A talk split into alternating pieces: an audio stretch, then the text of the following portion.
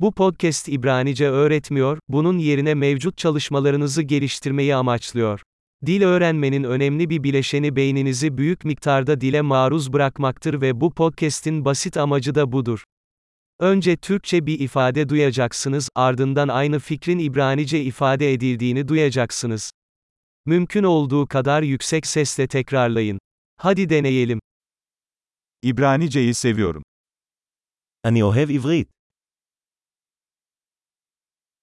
Harika. Zaten anlayabileceğiniz gibi, sesi oluşturmak için modern konuşma sentezi teknolojisini kullanıyoruz. Bu, yeni bölümlerin hızlı bir şekilde yayınlanmasını ve pratikten felsefeye ve flört etmeye kadar daha fazla konunun keşfedilmesini mümkün kılıyor. İbranice dışında dil öğreniyorsanız diğer podcastlerimizi bulun, adı İbranice öğrenme hızlandırıcısı gibidir ancak diğer dil adıyla birliktedir. Mutlu dil öğrenimi